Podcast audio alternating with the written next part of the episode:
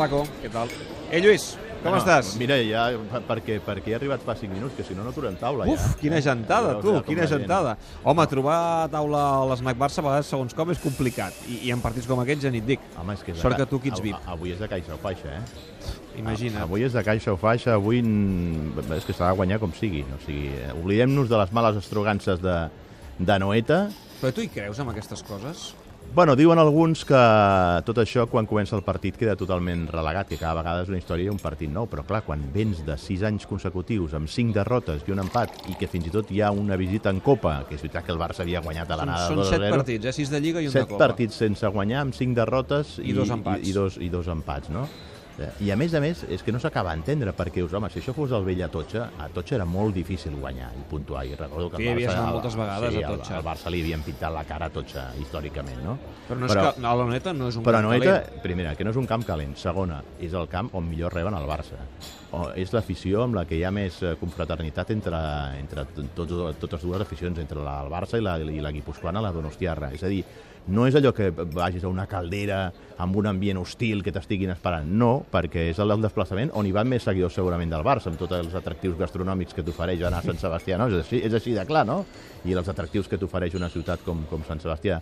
Tot i que avui, per exemple, l'horari del partit no acompanya molt a viatjar cap a, cap a Sant No, Sebastià. avui però, és- és però dius, dius, que caram, a més, partits que el Barça anava guanyant 0-2 al descans.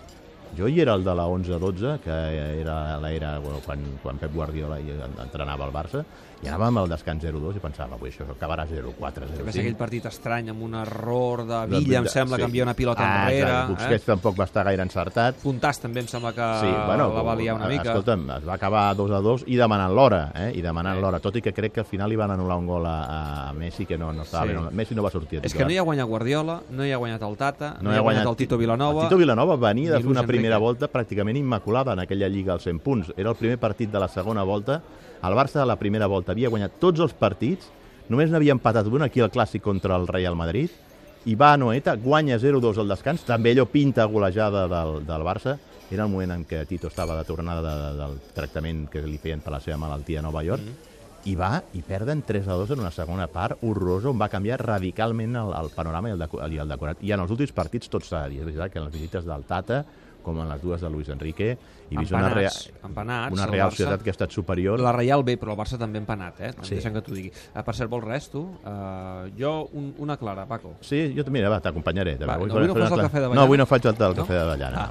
No? Li dono descans per, clares, per no excitar-me massa de cara al No, partit. no, no, que haurem d'estar tranquils. Escolta'm una cosa. Um, hi ha una cosa, una dada que convida l'optimisme, que és que aquesta gent a Noeta no han vist mai el trident. Clar. Perquè l'any passat no, no hi era Suárez. I fa dos anys és el dia que deixen a Neymar i a, I a Messi, i a, Messi a, la, a la a la banqueta. banqueta. Eh? I per tant és veritat que, home, avui al Barça hi ha de posar-hi tota la, la carn a la graella, com es diu habitualment. Jo confio que avui el Barça guanyarà, perquè ma- malgrat que la Real està en un moment dolç, que porta quatre partits consecutius guanyant, que està jugant molt bé de la mà d'Eusebio, un entrenador que segurament no se li ha fet justícia en el seu pas pel, pel Barça, perquè va igualar la millor classificació amb el filial que venia de... Avui és un duel d'entrenadors que han passat pel filial del Barça, Luis Enrique i Eusebio, i que van I aconseguir... té molt mèrit Eusebio, eh, la feina que està fent. Està jugant bé la Reial, quatre jugant- partits seguits no, sense... David, molt bé està jugant, i bonic. Jugant 4-3-3, molt ofensiu, en, en recuperant a gent que semblava ja de tornar al futbol, com és el cas de Xavi Prieto, que em sembla, sempre m'ha semblat un tros de jugador, i escolta'm, estan jugant molt Fixa bé. que quan Eusebio va marxar del, del Barça B semblava que li costaria molt trobar un lloc, Mm, no? I, No, per això et dic que, que, projecte que, que, que s'ha estat injust amb Eusebio, perquè Eusebio, eh, escolta'm, va igualar la millor classificació de la història del filial, que, que venia també de ser de, de Luis Enrique amb un tercer, amb un tercer lloc, no? I semblava com si allò no era mèrit d'Eusebio i era més mèrit dels jugadors, i a mi l'Eusebio, amb el que tinc molt bona relació, em deia que, que no és gens fàcil entrenar un filial, perquè cada any has de començar dinàmiques noves, et canvien radicalment pràcticament més de la meitat de la plantilla i has de començar amb estímuls, amb dinàmiques noves de treball i no és fàcil d'inculcar això. Jugadors que a més a més tenen el cap més pensant en què faran l'any que ve, quin serà el seu punt de destí, perquè saben que s'ha taponat la- la- l'arribada al primer equip i que aleshores el jugador es, es converteix encara en un personatge més egoista del que ja acostuma a ser de per si, no? perquè pensa més en la seva situació personal que no pas en la col·lectiva d'un equip. No? Avui el- l'11 està clar, excepte qui farà d'Iniesta, que és L'única pregunta. no- no- no ho tinc tan- Tens jo- quatre opcions, eh? Sí, Em, sí. Perquè Bueno, podríem- Arda ja sabem que no, Arda aquesta ja quedaria amb, descartada amb, amb pels- aquesta amb- grip amb i tal, aquesta grip. i per tant ens queda André Gómez, Rafinha, Denis, Mira, la lògica seria la lògica seria que mantingués el mateix equip que va, que va guanyar a Glasgow. Eh? Aquesta seria la lògica. Però amb Luis Enrique saps que mai hi ha lògiques a l'hora de fer les alineacions.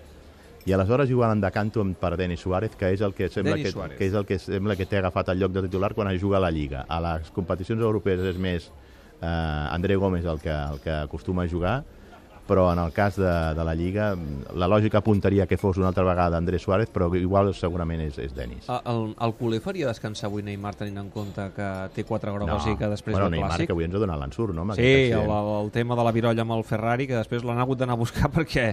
El en fi, Ferrari, bueno, al cap d'una estona he passat per allà i encara hi era els cons Ah, allà. sí? Sí, sí, sí. Però el sí, Ferrari a ja no mi- hi era, eh? El Ferrari ja, ja, ja se l'havia... Ja havia passat la grua del RAC. Eh? Ja havia passat la grua del RAC i s'havia endut la... Clar, què, què vol el culer? Avui que jugui Neymar o no, No, fos no, cas que vegi la groga? Perquè ja saps que és un jugador avui- susceptible avui- de veure perdona, grogues, eh? perdona, És que està només important el partit d'avui que el de, que el de dissabte que ve. Però imagina que veu la groga i no juga al Bueno, sí, clàssic. imagina't que perdem i ens podem ir a 7 punts del Madrid. Sí, esclar. És, per tant, avui és s'ha de... difícil, avui s'ha eh? És difícil a la No, balança. no, no, avui s'ha de jugar. Passa que Neymar és un jugador que el van, el van a buscar, eh?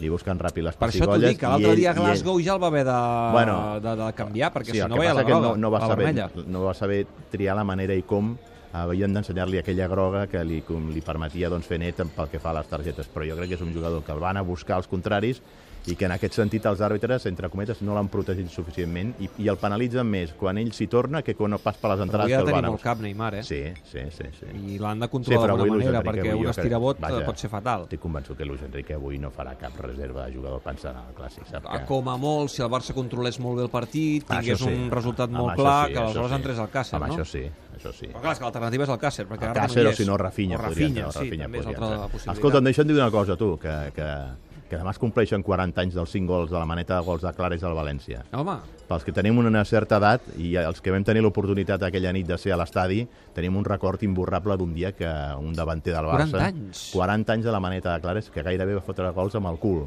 sí, sí. era sí. contra un València que aquell any havia llançat allò del talonari i havia fitxat grans cracs, com era el cas de Mario Kempes, de, de, del Lobo Diarte, que venia com un dels gallets de la Lliga i el Barça va passar per sobre d'ell en aquell partit, amb els 5 gols de Clares, però sobretot amb un quart gol d'Alfredo Amarillo, que era un del lateral uruguaià que s'havia fitxat del Valladolid, que va, li va engaltar una, una volea, després d'una centrada del Charlie, una volea des del vèrtex dret de, de, de l'àrea de la Real Societat que la va clavar, ai, del, del València, que la va clavar pel mateix escaire de la porteria i aleshores eh, ex- existia que es feia, es triava, les, les, les televisions europees triaven el millor gol del mes. Doncs el millor gol del mes va ser el gol d'Amarillo en aquell partit contra, contra el València. Saps què deia, saps què deia Clares quan li centrava les pilotes Charlie amb efecte? Diu, Charlie, no me las tires con nieve. Con nieve. Com que ell les havia pentinat i estava mig calp, deia, no me las tires con nieve. I em fa molta 40 il·lusió anys, recordar 40 aquests 40 anys d'això. Sí, dels, senyor. dels 5 gols, perquè ara és una cosa bastant habitual, manetes, hat-tricks, però abans quan un jugador feia una maneta, una maneta de gols era una cosa pràcticament insòlita, no? I Clares, que era un davanter que amb Cruyff i Reixac es va forrar de fer gols, aquell any va ser el segon màxim golejador de la Lliga amb 22 gols per dos darrere de Kempes, que va ser el Pichichi, i era un jugador tosc, és el famós del Manolo Marcallà. Sí, sí, el Manolo Marca ja Bueno, en aquella, perfectament. és aquella mateixa lliga del 76-77 que el Barça anava embalat cap al títol i per culpa de l'expulsió de Johan Cruyff doncs no va poder acabar proclamant-se campió Doncs mira, ens havia passat allò uh, inadvertit uh, demà, 40 anys. Eh? 40 anys de, de, dels 5 d'aquell gols de la maneta de gols de Manolo Clares al València. Uh, Lluís, me'n vaig cap a dalt, cap a la redacció, deixo aquí l'Snac Barça. Bueno, Eh, doncs, escolta'm, això dissabte que ve serà una olla, eh? Ja, és el que Crec que t'anava la a dir. dona el Paco, la Mari, ja prepara una paella pel migdia per anar escalfant motors perquè la gent ja vindrà a fotre's la paella i després ja a veure... Ja et trucaré i quedem i a veure... Reserves tu la taula? Sí. Perquè si no, Venim aquí, després tu te'n vas cap a la ràdio, jo me'n vaig cap al camp i després ens tornem a reunir. Eh? Això mateix. Vale? Vinga, Lluís. Vinga, que vagi molt Adéu. bé. Adéu-siau.